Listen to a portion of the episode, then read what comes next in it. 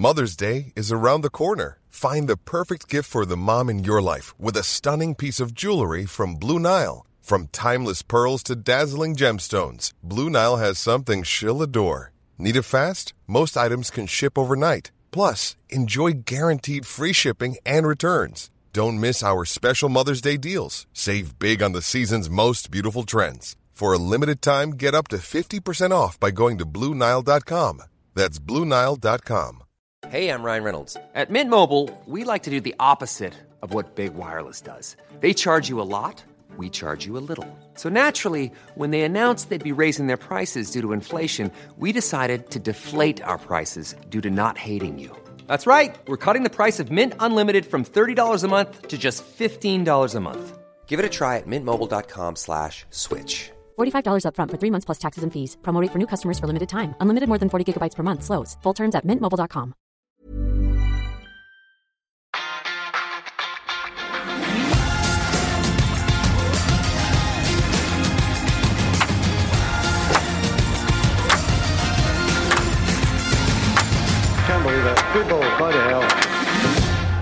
Fredrik blir ikke med på applausen, men det står Eivind og jeg for. Hjertelig velkommen til en ny episode av Uno, der Manchester United atter en gang vinner, av gitt. Men vi ser mange sider av Manchester United i Luton, så hva Sett bort fra seieren, da. Hva, hva slags følelse holdt har du? Følelsen av at vi har flere plussmål enn Luton. Ja. Ja, den har vi venta lenge på. ja. Så um, Nei, det, det er jo eh, litt sånn schizofren følelse, da, fordi det er et schizofrent lag. eh, En meget god eh, start, og så sitter man bare med en litt sånn uggen følelse. Litt sånn tøff, tøff watch, hele greia. Um, så det blir jo nok en episode hvor vi sikkert kommer til å dele det her opp i det positive og det negative. Ja, det er vanskelig ikke å gjøre det etter en sånn prestasjon. Jeg har ikke lyst til å være negativ etter seier, men eh, de guttene her de gjør det jo ikke akkurat lett for meg, syns jeg. Eh, og måten de tre poengene til slutt kom på, gjør at jeg sitter med en skikkelig sånn middels følelse. Grunnen til at jeg ikke ble med på applausen til mitt forsvar, var fordi jeg var opptatt med å drikke litt før vi begynte her, så jeg kunne godt vært med. Fokus er jo vi litt opptatt av. Ja, det, det skjønner jeg, så der kan dere godt arrestere meg. Men uh, det vi også må huske på, er hvor gode Luton er til å gjøre det vanskelig for gode lag til å faktisk komme dit. Arsenal slapp inn tre mål mot Luton, skårte først sju minutter på overtid. Liverpool avga poeng der, og City tok en knepen 2-1-seier. Det er viktige ting å ta med seg, og så gjør ikke det at jeg vil da totalforsvare prestasjonen til United, for den syns jeg uansett ikke er god nok. Ja, for det, Mysteriet er at de starter med handikap her. De starter jo med 2-0 etter sju minutter. Så hva er det som gjør at vi sitter ytterst på, på setekanten i de neste 70? For det er det som gjør det. At 2-0, eh, meget godt åpningskvarter, forspilte sjanser, og at det da blir spenning til siste slutt og totalt mangel på kontroll. Det er det som gjør at jeg sitter igjen med den dårlige følelsen. Det interessante er at jeg er blitt litt klok av skade, så jeg tenker på to når jeg er at nei, nei. Dette her, dette her er guffent. Newport begynner jeg å tenke på. Ja, al altså det, jeg, jeg, var ikke på noe tidspunkt trygg, Nei. selv på 2-0. Jeg tenkte, Først så ble jeg litt sånn wow. For, altså Skal det bli 5-0-seieren? ja, De ja. har skriket etter og, nå. og det melder jo jeg i, i chatten her, og den ser jo ikke du før langt ut på natt, selvfølgelig, for du har jo meldt deg ut av, av, av absolutt alt. Det Jeg skriver til Eivind, da, Per, for du er på en måte ikke med eh, i, i denne chatten. Jeg legger meg flatt. Nå vil jeg at de skal gå ut og gi Luton deng. For at det, nå, nå det er på en måte, Du får en håndsrekning ut av en annen verden da, til å på en måte gå ut og bare banke løs på den boksesekken som er Luton. Uh, men eh, de har ikke den pondusen ennå da, til å gjøre det. Uh, og det som kommer etter 2-0 uh, Men kan vi- vi- Ja, ja, men jeg må bare si Ja. det som kommer etter 2-0, det er ille, altså. Altså, det, Resten av den Første- omgangen, er- ja, den resten av den første omgangen er helt grusom. Det må, jeg, det må jeg bare ha sagt. Men så kan vi ta det positive. Det er en danske der som Uff, han bjeffer. Altså, Tenk om han lander på 20 mål den sesongen her. Hvor, altså, hvor mange kan sette for et lag som ikke får midten, eh, motorstopp i hver eneste 90 minutter? Eh, det her er Han er så langt foran skjema. Eh, det er én spiller i topp fem-ligaene som har skåra flere mål enn eh, Høylund i 2024. Vlaovic i Juventus, og så spilte en kamp mer. Og hvis vi ser på disse um, konkurrentene, som, eh, som vi snakka om her i studio i sommer eh, Flere mål, mål enn en Ramos, flere mål enn Kolo Muani og flere mål enn Ossimen. Stykke opp til Kane, men, eh, men det, det får være. Og Kane har ikke så bra. Nei. Nei, ikke akkurat nå. Han har ikke så bra akkurat nå. det. Eh, og hvis, uh, med forbehold om at den tweeten jeg så er uh, med fakta Altså med fakta i behold Med forbehold. beklager på forhånd. Ja. forhånd. Ja. Haaland i 2024, to mål i Premier League, og Rasmus Hørund sju. Mm. Sterke tall. Ja, det, det er sju mål på seks kamper, så er det og det er så bra Ja. som det ser ut. Fordi det er jo litt det vi sitter igjen med etter, etter det 2-1-seieren mot Luton, er at eh, Ja, vi har jo nå snakka om det. det, det føles ikke helt bra, men for Rasmus Høylund, han er så bra som tallene tilsier nå, da. Og det er ikke så mange i det laget som er for øyeblikket. Og så Bjarte sendte meg et bilde i går kveld med drakta og draktsettet til Høylund idet han setter inn 1-0, hvor det er blenda farge, helt hvitt. Og så på tampen her hvor du ser at ser ut som han har blitt påkjørt av en traktor, nærmest. Ja. Det er en og det, det er det jeg Kanskje det er kjedelig å høre på, men jeg, jeg er nødt til å hylle mer enn bare målbidragene hans. For det er en sånn totalpakke der. For et beist, for en maskin. Og hvor store steg han har tatt med det å være feilvendt. Hvor tøffe kriger han står i igjen og igjen, og kommer seirende ut av stadig flere og flere av de. Han blir mye og mye Eller han blir bare bedre og bedre feilvendt, og mye og bedre rettvendt også. God til å avlevere, god til å sette bannere. Og når han da har begynt å score i tillegg, så er det en totalpakke der som er enormt bra. Og så må vi si at den eh, tiden der du har sånne barnslier, eh, som jeg ofte henviser til, i Premier League, er litt ferdig. På, på godt, vil jeg si. Eh, det er et helt annet nivå, da. Altså Du ser på disse nyopprykka laga. Sheffield United er, eh, er svake, og Luton gikk jo på en smell der, men det er en annen hverdag i Premier League, da. Det er ikke bare sånn å reise noe som helst sted og bare gi lag deng. Og det er jo det du er inne på med, med, med hva Luton har vist uh, og, og kommet med tidligere i sesongen. Uh, og så er det det faktum at Manchester United er inne i en veldig, veldig, veldig god periode. Ja. Og det har vi ikke sagt mens vi har holdt på med denne podkasten. Så jeg gjentar det. Manchester United er inne i en veldig, veldig, veldig god periode. Ja, jeg lurte på om jeg skulle sjekke de um, Uno tallet litt igjen. Hva ligger seiersprosenten på? Men vi, vi, vi Vi tror det her litt. tøffer enda litt videre Ja. før vi sjekker det. Sjekker etter fulle. Men for United sin del, altså, er det. Før City. Etter ei uke til. Høres ut som god timing. Men eh, det er fem seire på rad i alle turneringer. Eh, seks seire på de siste syv. Ikke tapt i 2024. Og plutselig var det tre poeng opp til Spurs. Og plutselig syv poeng ned til Newcastle. Så det er en Det er en vanvittig endring. Vi, snakket, vi lo litt av Moyes og Westham før vi gikk på. Spol tilbake til lille julaften, hvor United går på en smell mot Westham. Da er det snakk om Ten Hag ut og Moyes på ny langtidskontrakt. Ting snur vanvittig fort. Ikke ufattelig. Ikke ufattelig.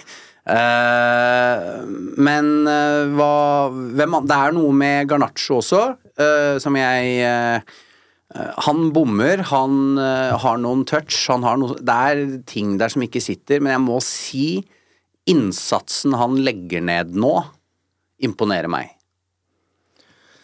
Ja, ikke minst altså det uromomentet han er. Altså, Når han får ballen, så er det en trussel. da. Jeg skal ikke dra inn Antony her hver eneste gang, eh, for han, han er jo plassert på benken nå. men men i motsetning til Antony så skjer det noe. Eh, Han har på en måte den X-faktoren i han, han, Når han mottar ballen, så, så trenger han ikke å tenke 'hva skal jeg gjøre nå'? Det virker som det er instinkt. da. Eh, og blitt en, en ordentlig god høyreving der, eh, med et venstrebein som bare blir bedre og bedre. Så jeg er med på den, eh, og skulle hatt flere målpoeng i går, da. Ja, for det er, det er Han har instinkt fram til han kommer alene med keeper. Jeg tror den eneste sjansen han har satt alene med keeper, er bort mot Arsenal. Den som ble tatt av VAR til slutt. Så det er mye dårlig valg og mange svake avgjørelser, men det setter jeg på kontoen for manglende erfaring. Det tror jeg kommer. For gutten er ikke ferdig. Nei, så det, det er irriterende, men det er ikke for min del en bekymring jeg har ennå. Det er mer det at det må komme med tiden. Så jeg syns at han han, eh, han virker litt Han er åpenbart uferdig der, og så virker han sånn usikker. At han har litt sånn manglende selvtillit på akkurat det området der. Rasmus Høylund klarte det, ingen andre klarte det.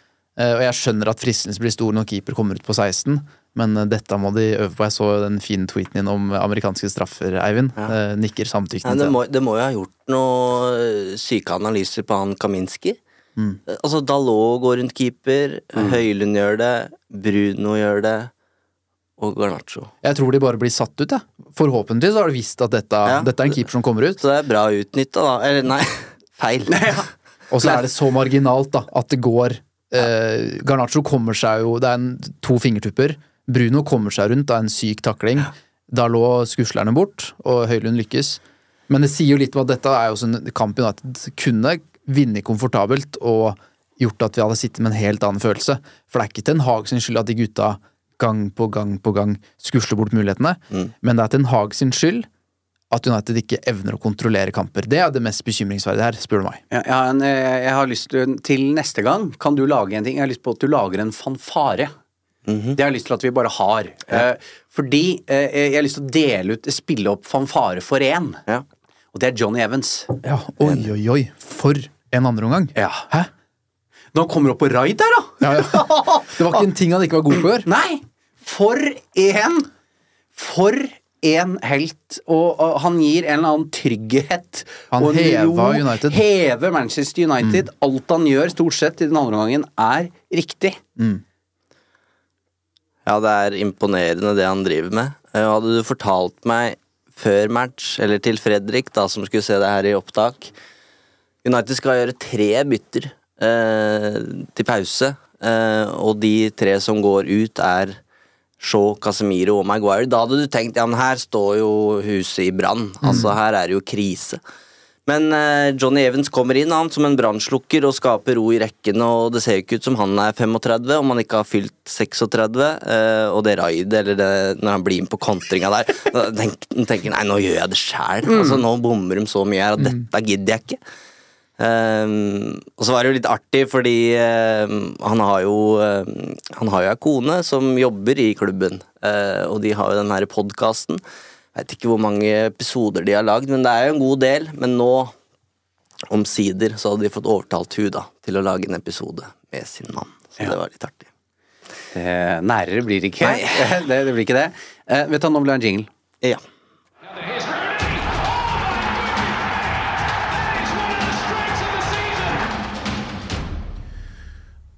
Tre ting, eller det er tre navn, som gjør at jeg får litt vondt i magen. Eh, vi var inne på, du var jo litt inne på det. Med, det ene er Luke Shaw, det andre er Casemiro, og det tredje er Bruno Fernandes. Det er på en måte tre sånne ulike bekymringer jeg har. Det ene med Luke Shaw er åpenbart helsa hans. At, eh, at, at det skjer igjen. Eh, Det andre er Casemiro, eh, som nok en gang setter seg i en eh, unødvendig teit situasjon. Eh, Han får jo gule kort i første omganger her nå over en lav sko. Han er på etterskudd, han er for treig. Eh, Ni gule på siste elleve mener jeg at det er. ja. Sju gule eller røde kort på de ni siste kampene, har jeg notert. ja. Så ja. Og så er det Bruno Fernandes som det ikke sitter helt for. Ja, og Bruno har jeg Jeg vært bekymra tidligere enn mange andre virksomheter. Fikk litt kjeft da jeg kritiserte han til Wolverhampton, men uh, han er uvenn med kula. Han mangler total rytme, og han, altså, han bommer på opplagte sjanser og på enkle pasninger til han være. Uh, og så skal han få lov til å ha en formdupp, han altså. For han er kanskje den som har levert jevnest av alle, i hvert fall hvis vi ser på tallet hans, siden han kom til Manchester United. Det er ganske mange år siden nå. Så han skal på en måte få lov, men det må likevel være lov til å være bekymra, for jeg syns han er såpass svak at det mener jeg er grunn til. Um, hva er det han egentlig bidrar med om dagen? Nei. Innsatsen får du alltid, men han ser sliten ut, han graver dypere enn vanlig, og han leverer ingenting, spør du meg. Og her er jo litt på det natu altså naturen. Altså, en, han er, eh, som jeg har vært inne på et par ganger her, at han er på feil side nå. Og så har han spilt altså så ufattelig mye. Rovdrift over veldig mange år nå. Ja. Hva er det vi ser her, Eivind? Nei, jeg sitter ikke på fasit, men jeg, jeg syns det er litt vanskelig å ta han for hardt òg, fordi han leverer på det som er Ja, det blir kanskje ikke viktigst hvis United taper poeng fordi han er for uh, hva skal jeg si for mye overalt. Uh, men han skaper sjanser. Han er den som uh, har flest Nå kom Siri. Det er Siri. Siri. Siri Hva er det du mener, Siri? Siri siterer det Eivind sitter og Ja. sier. Det var så godt sagt. Hun siterer fasit. Ja, ja. Bare noterte seg Vet du jeg kjenner bare sånn Vet du hva? Holdt, dette må jeg ha med, og Apple skal bruke det. Det er det, som skjedde her nå. Siri, hva er problemet til Bruno Fernandes? Nei, og det var ikke det jeg svarte på heller. Men, jeg, men eh, han skaper sjansen. Men jeg ser Det er på en måte igjen eh, litt sånn schizofren spiller, fordi du får, når du får det beste Altså Han skapte åtte sjanser han mot Aston Villa, eh, og så skapte han bare to i går. Så ja, en dårlig dag for Bruno Fernandes. Um, Men så er han så nær å score to ganger òg. Han har den som kysser stolpen, og så har han den som blir redda Den er ikke på strek, men den blir redda på åpent mål, da. Så det er så lite skal til for at vi på en måte også friskmelder den. Det er så lite som skal til, Ja. men jeg ser en nedadgående kurve som jeg ikke klarer å ikke bekymre meg for. Men jeg må si også de eh, bekymringene mine tok jeg i prioritert rekkefølge her. Altså Luke Shaw først, for den der er Det store spørsmålet er Tar Erik Den Haag en sjanse her? Og det tror jeg ikke. Grunnen til at jeg ikke tror det, er fordi de tar den av til pause mot Aston Villa som en precaution. Da regner jeg med at alle tester de har gjort på feltet fram mot kamp, er klink friskmelding. Men det var et sjokk når jeg så han i startelveren der. Ja, for hvis precaution er sannheten, og at vet du hva, han hadde antydning til noe, og så har det gått en uke til neste kamp, da regner jeg med at de ikke har tatt noen sjanser. Så er det vanskelig å stole på det medisinske apparatet til United. Jeg har ikke tillit til de, men med en spiller Der er du på Mason Mount-toget. Det er Egne helt, folk. det er helt Ja, ja. Ja, det hadde jeg også gjort, for å si det forsiktig. Men, Har ikke spilt så mye, han heller, da. Men ja. men jeg, jeg, jeg syns det er rart da, om de har gambla med Luke Shaw. Det er vanskelig ikke å tenke at de har gjort det, men er dere med meg på tankerekka her om at du tar ikke av en spiller til pause fordi han er så viktig at han kan vi ikke ta noen sjanse med, og så gambler du med en uke etterpå, attpåtil bort mot Luton, hvor du på papir kan tenke at han er ikke must have i den kampen her. Det syns jeg er rart. Og da kan vi se på de fryktelig stygge tallene til Luke Shaw, som også er et tegn på hvorfor de overhodet ikke skal gamble med en sånn type spiller. På ni sesonger i United så har han hatt 23 forskjellige skader. Det er et snitt på 2,5 skade per sesong. I løpet av de årene han har vært i United, så har han vært ute i 1008 dager med skader. Det tilsvarer to år og åtte måneder. Han har mista 214 kamper, som tilsvarer fem og en halv fulle Premier League-sesonger. Men du har sagt i podkasten at du ikke er matematiker? ja? Dette Fått hjelp hjemme nå. Fruen har du får tatt fram kalkulatoren. Transfermarkt lister jo opp antall kamper og dager per Ja, men du gjør jo om dager Ja. til år ja, og ja. måneder og Så her er det bare fire huska skuddår og sånn inni der, da? Nei, det har jeg ikke. det, har jeg ikke. det burde jeg være god på, for, faktisk. Ja, som eh, skuddårsbarn. Ja, det er korrekt. Men eh, nei, så det er jo noen desimaler her jeg har runda opp og sånn, fordi de er over eh, er lov. 0,5. Ja, ikke sant? Ja. Så Elisabeth på Mailand hun lærte meg litt på mattekurset nede i kjelleren her. Hun gjorde det. Ja, så må det sies at det beinbruddet må inn i eh, som en ganske vesentlig del av, eh, av talla, da. Det alene var vel nærmere 200 dager, tror jeg. Ja. Men den Bekymringen en- står. Den eneste den tilnærma fulle sesongen han har, tror jeg, var vel under Ole Gunnar Solskjær. Da mista han bare tre kamper i denne sesongen der. Og det Han har han mistet- har mista 20 denne sesongen her. ja. Og Hvis vi tar med oss de tallene her inn til Ten Hag Det her kunne vi presentert i august. Vi er klare, vi, hvis han trenger en Yes. uh, powerpoint. Um, da syns jeg det er snodig altså, å sende Alvaro Fernandes på to utlån, uh, som de har gjort nå. Ehm, og så kan du godt si at han er ikke klar til å spille venstreback nødvendigvis og vikariere. Um, men med tanke på at det er en Malaysia her som har vært ute også da i et halvt år og fortsatt trøbler uh, Og ja, du kan bruke Dalot på venstre og Wambisaka på høyre, men det er for tynn dekning, da. Eh, Så jeg syns det, eh, det var et snodig valg eh, når Alvaro Fernandes, som jeg har messa om før her, da, har vært såpass god på akademiet. Hvis ikke han har gjort seg fortjent til å i hvert fall ha en backup-rolle i det laget, og være med til Luton og sitte på benken tilfeller så må kaste inn håndkleet, Ehm, så, så blir det veldig vanskelig å stå igjennom. Da må du på en måte være Kobi Maino da, for, å, for, å få, for å få muligheten. Så akkurat det, akkurat det syns jeg er litt snodig at de har tatt sjansen på. Ja, Og Viktor Victor Lindeløf er ikke noe venstreback. Nei, for det nett, det, og det er nettopp det som er nøkkelordet her. At United trenger åpenbart en back for at dette systemet skal funke, og for at Marcus Rashford skal funke. Og i Victor Lindeløf så har du ingen back, du har en forsvarsspiller. Og når du mister Luke Shaw, som er så fundamentalt viktig for at dette United-laget skal fungere, på alle parameterne som Erik Den Haag ønsker å innføre, så må du ha en fullverdig backup, og det har ikke United. Så det er et kjempeproblem. Skadehistorikken hans er et kjempeproblem. At Luke Shaw er så god og viktig som han er, det er også et kjempeproblem. Så United må få inn en erstatter som kan gå inn for han. Det har de ikke.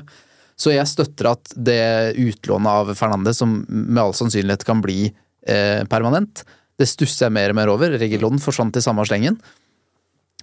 Og så ja, det er bare en stor bekymring da, og en stor frustrasjon at en så god og viktig spiller for United ikke kan stoles på. Det må United ta tak i til sommeren som kommer.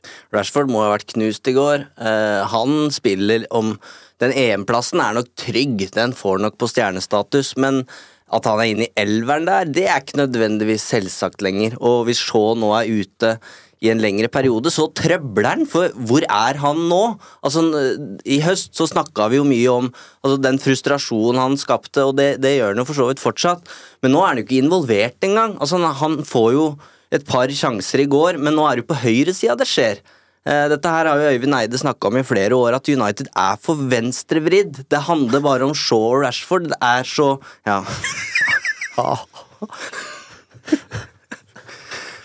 Dra inn politikken her og Har sett makta, Eivind også. Han har blitt venstrevridd. Eh, Men nå begynner de å bli høyrevridd, ja, United Ja. følger samfunnet, for nå er det Folk Nå er stemmer høyre om, da. høyre- nå. Folka vil ha høyre. Nei da, men eh, det handler jo, eh, for å lande på en positiv note der, så handler det faktisk om at Dalot og Garnaccio er veldig bra om dagen òg, da. Ja, Men, og jeg vil eh, hylle Dalot igjen, altså. Ja, Ja. jeg syns han er bra. han er ordentlig bra. Uh, og, Visste ikke helt hva han skulle gjøre alene med keeper der, men det er greit. det er tilgitt. Ja. uh, uh, Dalot er super, Maino er super, uh, og at i en treer nå så er det Høylund og Garnaccio, og ikke Marcus Rashford, som fremstår som Manchester Uniteds viktigste offensiv. Det er merksnodig å si, men det er en stamme her nå for øyeblikket, eller liksom, eller det er et halvt lag her som jeg har veldig sansen for, da. Eh, og eh, ja. Ja, I hyllesten må vi ikke glemme Kobe Maino igjen. Nei. Det er, uh, det Han er i ferd med å bli det de Jong var for Ajax, vil jeg mene. Nå, nå er han i ferd med å bli den derre stafettpinnen. Du ser i hvert fall hva Den Haag ønsker, da. Eh, at han skal være. Men det er, det er useriøst hvor god han er. Hvordan han leker og danser fotball, og det er defensivt og offensivt, og det er små tekniske finesser og detaljer hele veien, som er Det er en mening bak det. Han gjør det ikke for å showe, han gjør det for å komme seg ut av vanskelige situasjoner. Så han ser jo ut som banens eldste mann i positivt fortegn, helt til John Evans kommer inn. Og da er det også sånn at John Evans bare overtar den stafettpinnen på en sånn elegant måte. Så det, de to syns jeg på en måte var mest imponerende i går, i form av prestasjon, og så er det vanskelig ikke ha med Høylund i regnestykket her, da. Ja, og øh, Jo, jeg mista tråden, men jeg henta den igjen. Eh, det er eh, Vi har jo kritisert United lenge for manglende Altså, de skaper for lite. Og det kan vi ikke ta fra de, da, etter denne matchen. Eh, Det er enorme sjanser, og normalt sett, eh, man, så hadde United skåra fire eller fem. Eh, og, og det er et stort pluss at United skaper noe. Absolutt. Så jeg syns vi ser konturene av ting offensivt, da. Det er vel etter, eh, altså etter at vi gikk inn et nytt år også, at United har vel ikke gått av banen uten å skåre to mål eller flere. Og så er det så når vi sitter og på en måte kritiserer prestasjonen så må vi huske at vi kan ikke få alt samtidig Nei, nei. Måten vi krever av United på, høres nesten ut som at vi har vunnet ligaen tre år på rad, og at vi må ha gode prestasjoner hver gang vi vinner. Det fikk vi aldri da vi vant ligaen heller. Så det er noe med å på en måte se det i kontekst og huske på at vi må ta litt steg for steg her og huske på hvor vi har vært. Og så er ikke det nok for meg heller, men vi må bare minne oss selv på det. Det skapes enormt med sjanser. Eh, Erik Den Haag sier han også at her- gjorde vi det mye vanskeligere for oss selv. Det høres også ut som at han er litt uenig med gutta sine i hvordan de angrep kampen etter at de gikk opp i 2-0. De blei for passive, de blei for dype, også for hans smak. Så han er ansvarlig for det, men de gjør også ting automatisk, tror jeg, som han er litt uenig i, da. Men sjanseskapingen er kjempepositivt. Og bare så det er sagt, jeg er ganske fornøyd. Ja. I just love United. Og det har jo vært en god helg, da. Eh, Tottenham og Newcastle de har eh, ikke hatt det like bra. United eh, øker forspranget til Newcastle, og ikke minst nærmer seg Tottenham. Hva tenker du om det, Jon Martin? Nei, jeg tror de får det til ennå. Ja. Jeg sa, jeg sa jo nylig topp eh, topp fem at jeg tror United kommer til å passere Tottenham. Eh, Aston Villa eh, viser jo at eh, de er ganske sterke i pæra. Eh, Watkins er vanskelig å stoppe. Men jeg tror det er såpass lenge igjen her. Jeg sier fjerdeplass, jeg nå. Du er der. Jeg er på fjerdeplasstoget, jeg nå. Vi kan jo ta faktaene, da, for de som ikke har tabellen i huet. Um, Aston Villa ligger på fjerdeplass med 49 poeng. Uh, Tottenham har 47, og United har 44. Så kommer det noen nøkkelkamper her, da, fordi eh, Villa og Tottenham møtes jo i begynnelsen av mars. Um, Er det samme helg som Derby? skal vi se Det er eh, det ikke. Nei, men det er i mars. City United først. Ja. Uh, og der vil jo noen avgi, eh, enten de vil eller ikke. Uh, og eh, Nei, jeg har, jeg har en bra feeling på dette her nå. Men, men det, er- det er bekymra mi at United vinner nå fotballkamper, men hvis ikke de klarer å gjen... Eller ta bedre kontroll over kamper de skal spille framover, så ryker det poeng på tampen i noen kamper snart. Fordi Ross Barkley er noen centimeter unna å utligne på overtid. Det er så små marginer som skal til, da. Fordi United ikke evner å Og det er helt greit, det blir kaos på overtid. Det, det er greit, men det er kaoset totalt sett. Dette var det Erik Haag skulle være god på, å sørge for at United ble et kontrollerende fotballag som styrte fotballkamper. Og det, det så vi kanskje spor av i første sesong. Det har vært total mangelvare hele denne sesongen her. Derfor er jeg ikke like trygg som du framstår akkurat nå, da, fordi jeg føler det er så tilfeldig hvordan kampene ender. Ja, United driver og rasker med seg poeng og er nå en seiersrekke, men måten det skjer på er ikke overbevist nok til at jeg stoler på at det vil bare fortsette. Og så er selvtilliten uvurderlig her, da, for den, den får de med seg gratis på veien. Mother's Day is around the corner. Find the perfect gift for the mom in your life with a stunning piece of jewelry from Blue Nile. From timeless pearls to dazzling gemstones, Blue Nile has something she'll adore. Need it fast? Most items can ship overnight. Plus, enjoy guaranteed free shipping and returns. Don't miss our special Mother's Day deals. Save big on the season's most beautiful trends. For a limited time, get up to 50% off by going to BlueNile.com. That's BlueNile.com. I'm Sandra, and I'm just the professional your small business was looking for. But you didn't hire me because you didn't use LinkedIn jobs. LinkedIn has professionals you can't find anywhere else, including those who aren't actively looking for a new job but might be open to the perfect role, like me. In a given month, over 70% of LinkedIn users don't visit other leading job sites. So if you're not looking on LinkedIn, you'll miss out on great candidates like Sandra. Start hiring professionals like a professional. Post your free job on linkedin.com/people today. Denne episoden er sponset av Hello Fresh. Nå som det drar seg mot slutten av en lang sesong, trenger vi United-supportere skikkelig næring. Med gode og ferske råvarer fra Norge gjør Hello Fresh det til en lek å lage de herligste retter fra hele verden. Du velger bare hvor mange som skal spise, og hvor mange oppskrifter du ønsker ukentlig. Så får du alle ingrediensene du trenger, levert på døra. Personlig syns jeg det beste med Hello Fresh er at du kan skreddersy din egen ukesmeny. Du kan velge fra fem forskjellige kategorier. Vegetarisk, familievennlig, rask og enkel, fisk og grønnsaker, og smaker fra hele verden. Med 25 fristende oppskrifter hver uke kan du bli like uforutsigbar på kjøkkenet som Garnaccio er på Vingen. Selv må jeg si jeg er spesielt svak for asiatisk taco og den portugisiske kyllingburgeren. Som Uno-lytter kan du få opptil 1779 kroner rabatt på de seks første matkassene dine, og gratis frakt med første leveranse. Så det er bare å komme seg inn på lowfresh.no og bruke koden FreshUnited. Dette gjelder for de som ikke har prøvd Hello Fresh ennå, og for de som tidligere har vært kunde, men som har stoppet abonnementet for minst tolv måneder siden. Synes bare det er så rart å se på hvem som svikter. Altså, Vi har jo snakka om de, men Casemiro, Maguire, Bruno Fernandes Dette er jo senior players in the dressing room, som det heter så fint i England. Senior Sources. Senior sources. Eh, og så er det Høylund og Garnaccio og Maino som, som står for de gode prestasjonene. Um, ja, det, det er bare snodig. Syns Casemiro det, det er vel eh, Etter at han fikk den gule sist mot eh, Aston Villa, så skjønner jeg at han er fortvila i går også. De er De to i sum er liksom et halvt gult kort til Det handler jo ikke bare om de gule korta, Nei det da. handler om at han er i de situasjonene. Han er på etterskudd. Ja. Um, han skulle gjerne ha bytta ut i sommer, altså.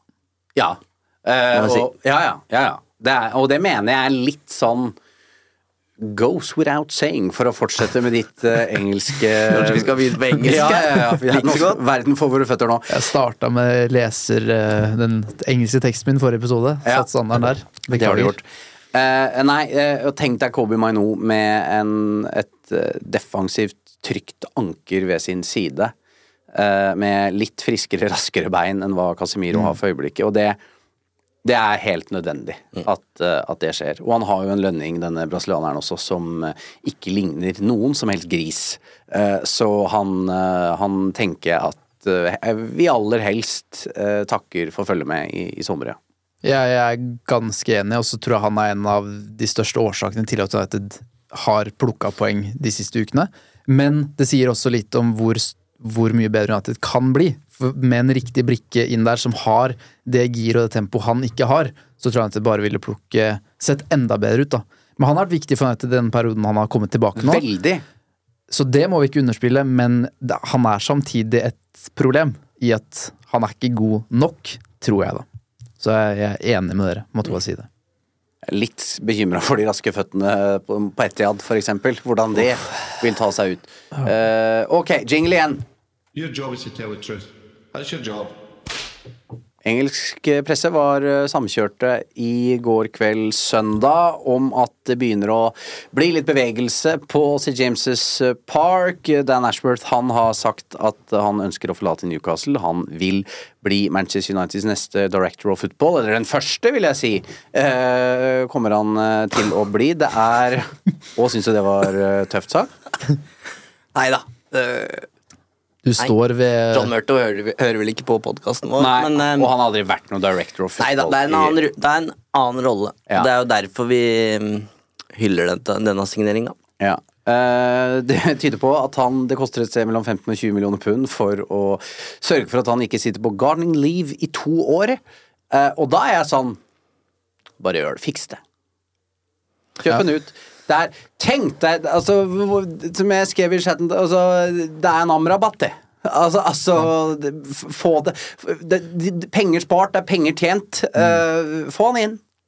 Jeg tror også det er mulig å forhandle litt på den prisen her, da. Fordi de skal betale full lønn mot en fyr som da sitter uten makt og myndighet til å gjøre noe som helst. Og United sier at vet du hva, vi, vi betaler ikke den summen der, så vi sitter ganske rolig i dette. Eh, Ashworth kommer til å pushe på for at dette skal skje så fort som mulig. Newcastle ønsker garantert en løsning, og det gjør United òg. Så jeg tipper det er mulig å forhandle litt, men det blir nok dyrt uansett. Men jeg ser for meg at eh, vi ender ikke opp på 20, men et sted mellom 10 og 15, tipper jeg. Men eh, Og det er mye, da. Det skal, det skal Ja, ja. jeg har lurt litt på hvorfor, hvorfor har de ikke tatt av på managermarkedet? Det er sjelden det er så store summer der. Jeg tror den største summen som er betalt, var Chelsea, som ga rundt 22 for Graham Potter. Eh, og i, med tanke på hvordan disse overgangssummene og lønningene har flydd av sted, så skulle du tro at når Chelsea skal ha en, sin tredje manager på tre år, da, så, så vil det være mer penger involvert også på det markedet der.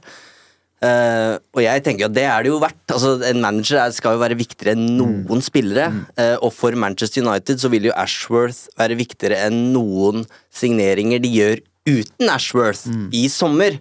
Så man må jo tenke at det er en investering, og så vil det følge Den prislappen vil følge han to the bitter end, altså helt til han på en måte har rettferdiggjort den.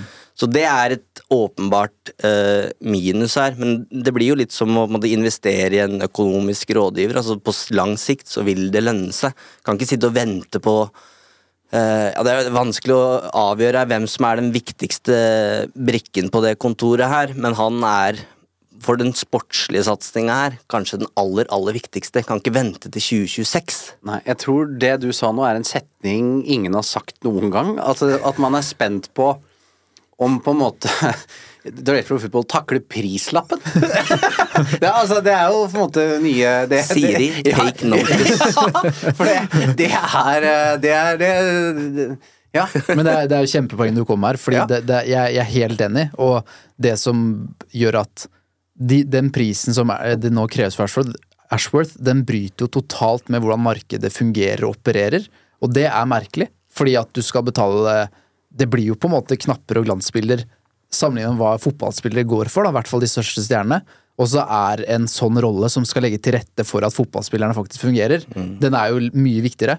Så det som gjør det vrient for deg til å betale den summen, tror jeg, er at det bryter med hvordan markedet opererer, men at i det store og hele så er dette en sum United egentlig burde ta seg råd til. Og så veit vi hvordan eh, tabloiden vil hive seg over da, ethvert en- Enhver ting Ashworth vil foreta seg United, med hensyn til hva han kosta. Ja, og så er det jo litt eh, artig med tanke på at Ashworth skal jo komme inn. Blant annet skal han sørge for at United ikke overbetaler i forhandlinger. Eh, så hvordan fremstår United i en forhandling? Ja. Det er også en interessant bit. Og hvem er det som forhandler? Er det Injos, sannsynligvis, da? Godt spørsmål. Hakkesnøring. For folk Ja. er jo ikke inne. Men spennende er det læll. Jeg har jo et eh, en viss skeptisk skepsis her, da. Eh, Jeg føler nå er liksom trampeklapp inn for hver eneste mm. signering som Injos gjør, eh, og det er jeg får litt sånn klump i magen fordi vi har gjort det her så mange ganger med spillere som har kommet inn. Eh, og nå er det mange sjefer som skal stues inn på, på samme kontor, uten at vi egentlig Ja da, de kommer med sine, sine mm, Hva heter det? Eh, godkjente stempler fra folk som kjenner dem. og alt Det her. Det er åpenbart her at Injos ansetter folk som er, har sin spisskompetanse. Men det begynner å bli mange sjefer nå som skal levere. Og da er jo helt, spørsmålet er jo kan de samarbeide. Og Derfor så er håpet mitt litt at det er ikke Ratcliffe og Brailsford som har funnet alle de her, men at Ashworth er en Omar Berada-signering. Og at Wilcox som kommer inn, er en Ashworth-signering. Sånn at det er et puslespill som på sett og vis henger sammen. At de har fått folka som de vil samarbeide med, hvis dette her gir mening. Istedenfor at Ratcliffe og Brailsford måte plukker her og plukker der og plukker der, og så er det en gjeng på fem stykker som plutselig sitter sammen på Old Trafford og skal bli kjent og samarbeide, så virker det som at her, jeg, jeg tror i hvert fall at her er det noen relasjoner de har begynt i riktig ende med Berada, og forhåpentligvis så har han eh, smelt navnet til Ashworth i bordet og sagt dette er mannen dere bør gå for. Han er best in class i England. Eh, og at Ashworth får ansette sine folk igjen. Og nå bruker jeg ordet mitt. Det er, det er ufattelig viktig, akkurat det du snakker om der. Og det har jeg tillit til at det er sånn det har fungert. At de tar den samtalen med Omar Berada. Hvem vil du ha til den rollen? Og så gjør de det. Og så stoler jeg på at måten og erfaringen Brailsford og Ratcliffe har, og måten de har jobba på, gjør at de har en type struktur med så definerte arbeidsoppgaver og posisjoner at dette vil gå seg til. Og så merker jeg, og jeg er svar skyldig i det at måte, jeg går ukritisk til verks i måten jeg tenker på at alt de gjør nå er riktig, men jeg, snakker, jeg tenker nok mer på at de får inn riktige roller, og så vet ikke jeg no nok om det er riktige folk. Nei. Men det kan endres. Om de bommer personene, så er det i hvert fall så at strukturelt nå ansettes roller, og det trengs. Det har ikke vært nok hoder til at United skal være velfungerende. Det kommer nå inn. Så kan det at Wilcox, hvis han kommer inn, at det viser seg på seg at det var ikke riktig mann. Men da skal du ha en ny mann inn i den rollen. Da skal du ikke opprette den stillingen til en ny person. Så de begynner på så riktige Altså, de begynner i riktige endene på så mange måter her, da. Som gjør at jeg også bare velger å ha tillit til at her snakker de med Ashworth om hvem han eventuelt vil ha, og ikke foretar dette på eget initiativ. Jeg nekter å tro at Omar Barada ikke er sentral i dette. Eh, det, er jo, det er jo han som skal styre denne fotballklubben. Ja. Det er han som er sjefen. Eh, og så er jo ikke han offisielt inne, men det er klart at han snakker tett med Injos og hvordan de skal gjøre dette her. Han er jo ute av City-systemet. Han, han uh, Jeg tipper han er orkesterleder. Uh, og han tar jo ikke kontakt eller driver samtaler eller sånne ting Det ville vært totalt galehus eh, om, om han ikke er sterkt delaktig i hvilke navn som skal inn. Og med Wilcox, for eksempel, han kjenner jo Brada godt. Det er så fra tydelige linker, da. Ja. Uh, og Ashford tipper jeg uh, også er det derre tydeligste navnet, hvis du går i engelsk fotball de siste 15 årene, da, med, med West Bromwich, eller 10, uh, med, med England, med Brighton, med Newcastle, eh, at eh, den eh, Nei, jeg er vondt for å tro at dette her ikke er eh, ting som henger sammen, og at eh, når de gjør det i riktig rekkefølge, når det én er på plass, så fortsetter de, og da blir Ashford med i praten, og så Det er klart de snakker. Jeg tar også det for gitt. Jeg gjør det. Men jeg, det, det er viktig å måte stille det spørsmålet. Ja. For, hvis, for hvis ikke, så er det bekymringsverdig. Du er djevelens advokat, du. Ja, Men det er viktig. Jingle. vi satser på det. Kvinnelaget, Eivind. Um, minner jo litt om det herrelaget driver med om dagen. Eller nei, det, det var helt feil. Men uh, situasjonen deres begynner å, å ligne litt, fordi kvinnelaget jakter jo da topp tre, um, og spilte en meget viktig kamp i helga mot Arsenal. Eh, lå under 3-0, reduserte til 1-3 seks minutter på overtid med Lucia Garcia, som hun så fint heter.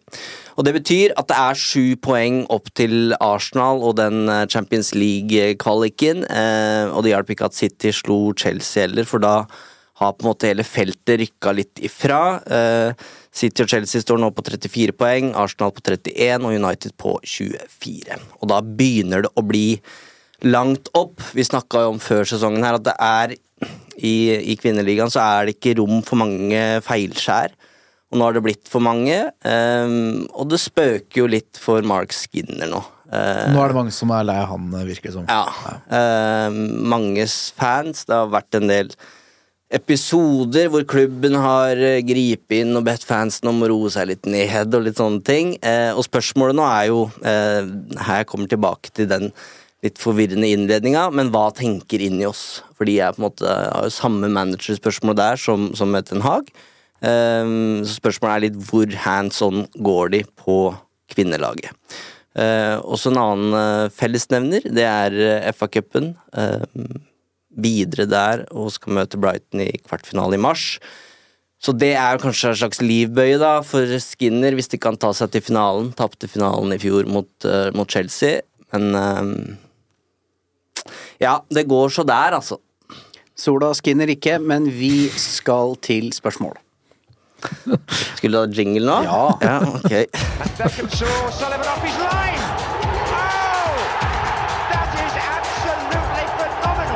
Du har et takknemlig publikum. Ja, ja. Du, du får for den. Ja, takk for det.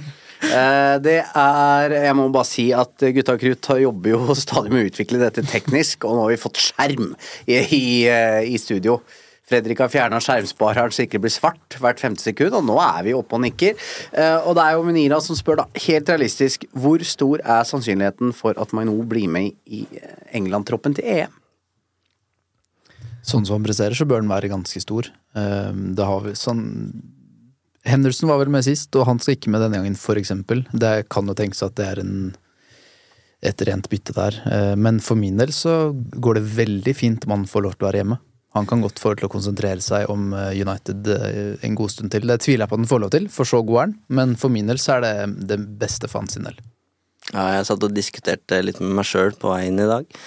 Vil jeg at Maino skal til EM, og da var det også min første tanke at nei, nå, nå går det så fint i Manchester United, kan ikke han bare få ta ferie, da? Eh, og så mm, eh, Men spørsmålet er jo litt, skal han inn faktisk på den midtbanen sammen med Declan Rice og Jude Bellingham? Er det tanken at den skal spille?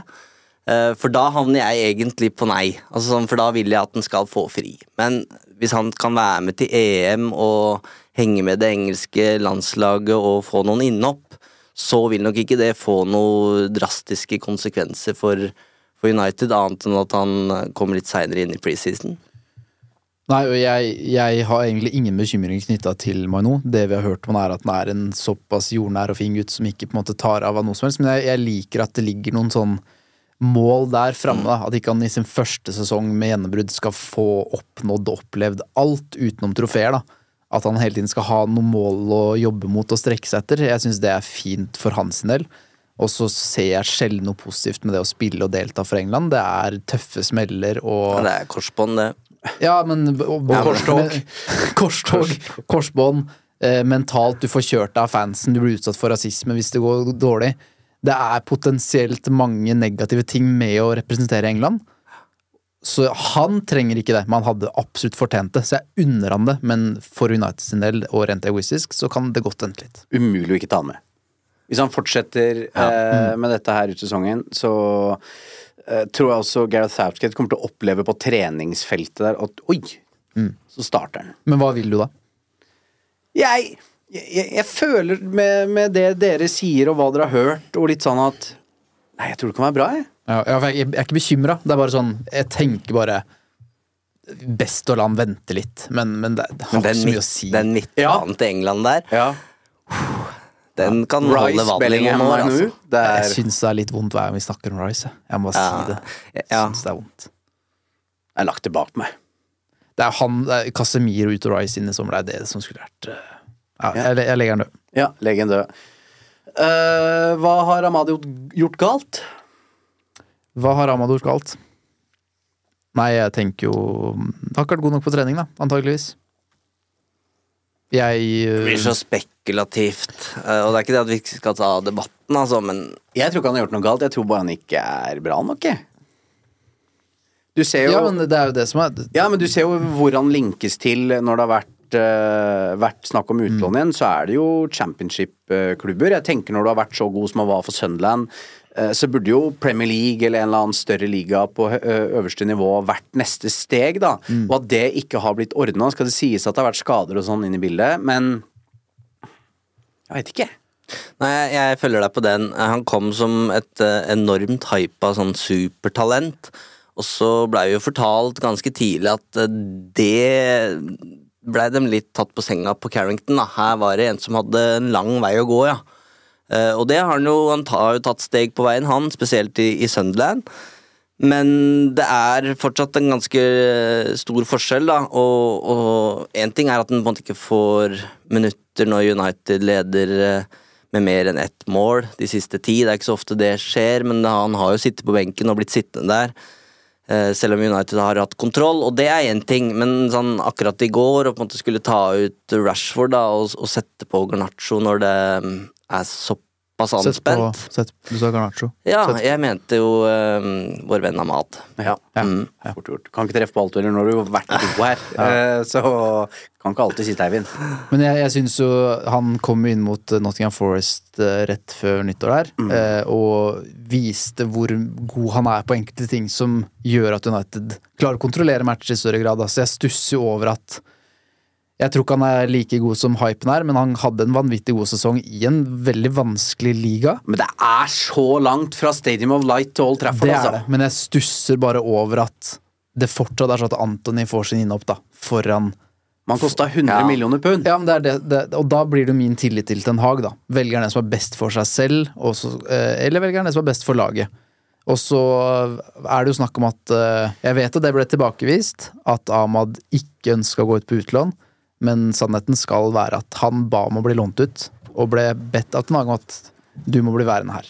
Og da stusser jeg også enda mer på at hvorfor får du ikke da de innhoppene når du blir bedt om å bli være i klubben? Det syns jeg er dårlig lederskap. Jo, men du har jo sett at han, eh, han er jo ikke noe engstelig for dette her med Magno, eksempel. Det handler vel om nivå. Altså, Ten Hag eh, driller dette laget hver eneste dag på treningsfeltet, eh, og da må jo han ikke være bra nok. Det var der jeg starta òg. Da er han ikke god nok på trening. Det er det jeg, det En er det jeg kjempefavoritt blant fansen, da. Det er ingen tvil om. Det er nesten ingen vi får flere spørsmål om. Nei. Og det, Men på han bakgrunn av hva? Al altså, det er jo en YouTube, da. Det Ja. er jo en veldig YouTube-vennlig spiller som har noen kvaliteter som er litt spennende, og så kommer det aldri til å skje United med under Ten Hag. Det, han er jo på overtid. Mye ut på det. Er vi òg? Ja, Kan jeg bare ta et, eh, en annen ung gutt da, som kobles litt til United, Mattis Thel. Ja. Um, og det er når det kommer fra Tyskland, og det kommer fra gode kilder der Dette var jo en i Sky, Florian Pletti Plett, Plettenberg. Plettenburger. Nei. Ja. Noter, Siri. Siri, Vi beklager, Florian. Men eh, nei, altså, det, dette dukka opp før helga. Eh, dette er en 18-åring som sitter med en følelse at de ikke har helt tro på han i Bayern München, og United og to andre engelske klubber skal ha eh, forhørt seg. Dette er en fyr som slo aldersrekorden til Kamavinga i renn. Ble henta for 30 millioner euro til Bayern München som 17-åring. Yngste målskårer i, i klubben, og skåra på overtid mot United. United. eh, skåra mot FCK. Spilte 28 kamper forrige sesong, 27 nå. Mange av de som, inn, eh, som innhopp, selvfølgelig. Og spilte nå i helga. Kom inn og ja, snudde ikke kampen på egen hånd, for det var Kane som, som reduserte der, men han hadde jo assisten.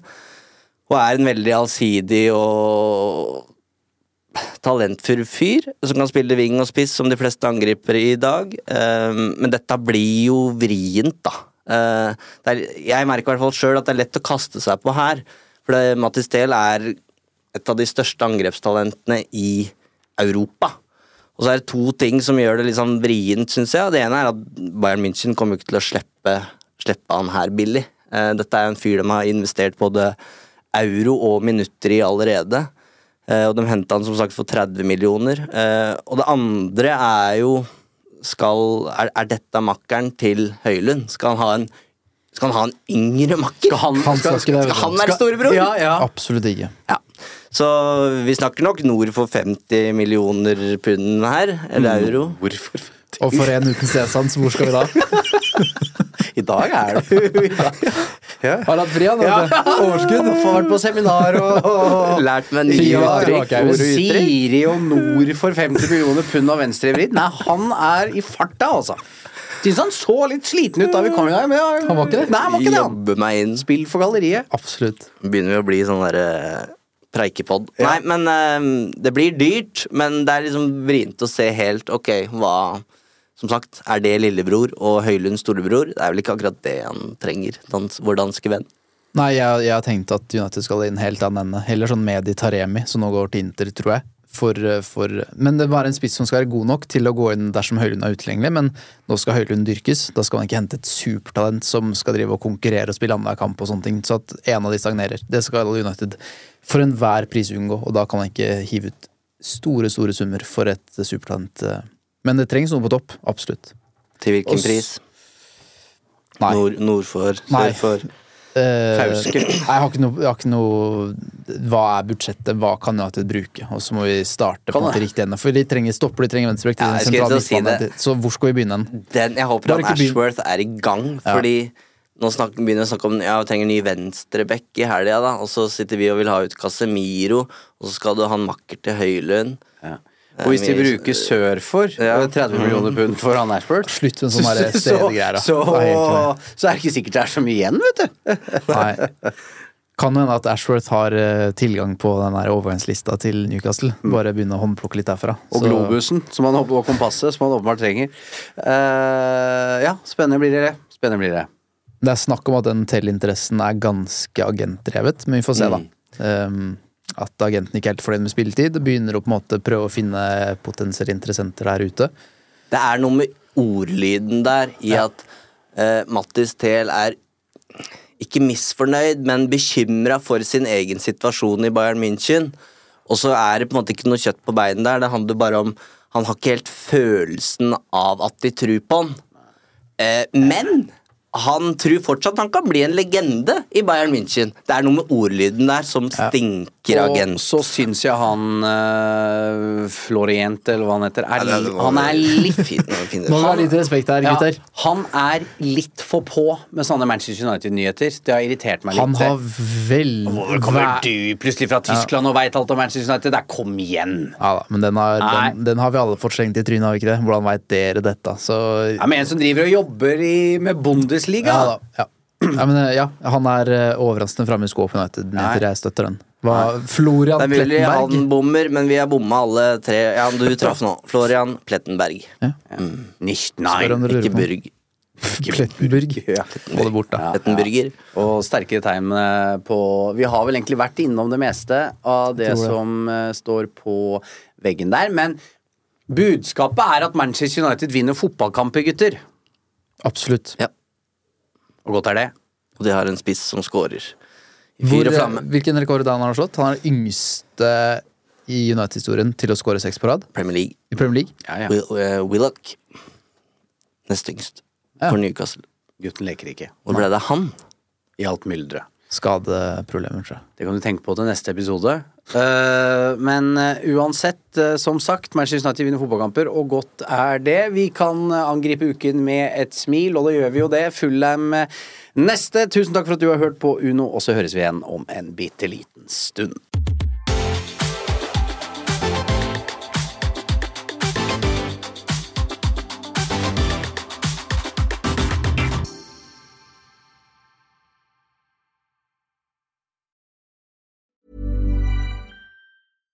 Mom deserves the best, and there's no better place to shop for Mother's Day than Whole Foods Market. They're your destination for unbeatable savings, from premium gifts to show-stopping flowers and irresistible desserts. Start by saving 33% with Prime on all body care and candles. Then get a 15-stem bunch of tulips for just $9.99 each with Prime. Round out Mom's menu with festive rosé, irresistible berry chantilly cake, and more special treats. Come celebrate Mother's Day at Whole Foods Market. Hey, it's Danny Pellegrino from Everything Iconic.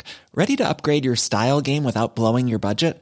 Check out Quince. They've got all the good stuff shirts and polos, activewear, and fine leather goods, all at 50 to 80% less than other high end brands. And the best part? They're all about safe, ethical, and responsible manufacturing. Get that luxury vibe without the luxury price tag. Hit up quince.com slash upgrade for free shipping and 365 day returns on your next order. That's quince.com slash upgrade.